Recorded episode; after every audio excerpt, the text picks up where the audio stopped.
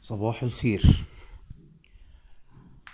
تكملة للكلام اللي إحنا بدأناه بتاع آه إن إحنا ما عندناش الوقت والمساحة في طاقتنا النفسية إن إحنا نقعد ونفضي دماغنا ونفهم ولادنا.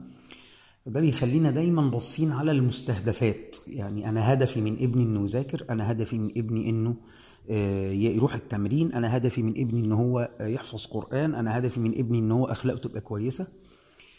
وبتج... وبنتجاوز بقى مش قادرين نقعد نفهم هم ليه مش بيعملوا اللي إحنا عايزينه ده.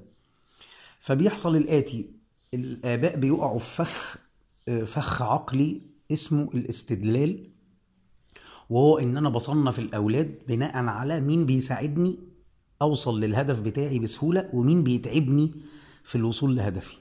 فيبقى أولادي آه، في منهم أولاد بالنسبة لي متعبين مش عشان هم متعبين هم عشان بيعطلوني عن الهدف اللي أنا رايح له. بيتعبوني في المذاكرة بيتعبوني في التمرين بيتعبوني في سماع الكلام بيتعبوني في الأخلاق بيتعبوني في السلوكيات اللي أنا عايزهم يعملوها. وفي أولاد تانية بيريحوني.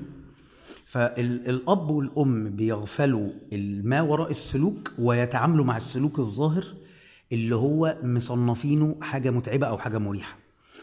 في حين إن إحنا لو قعدنا وفهمنا هو اولادنا بيعملوا كده ليه؟ ليه الطفل ما بيذاكرش؟ ليه الطفل تعبني في المدرسة؟ ليه الطفل عنده مشاغبات؟ ليه الطفل ما بيسمعش الكلام؟ أو ليه الطفل بيريحني؟ هقدر بسهولة جدا أخليه يعمل اللي أنا عايزه بشكل ما فيهوش جهد ولا خلاف. وده إحنا ممكن نعمله يوميا في جلسة صغيرة. آخر اليوم نفهم أنت ليه بتعمل كذا؟ أنت عايز إيه؟ أنت ليه ليه مش عايز تذاكر؟ ليه مش عايز تروح التمرين؟ ليه كذا؟ ليه كذا؟ يا إما نقعد ونفهم أولادنا بيعملوا سلوكياتهم الظاهرة دي ليه؟ يا إما هنفضل طول عمرنا عمالين إحنا الاتنين نعافر في بعض وما بنوصلش للنتيجة اللي إحنا عايزينها.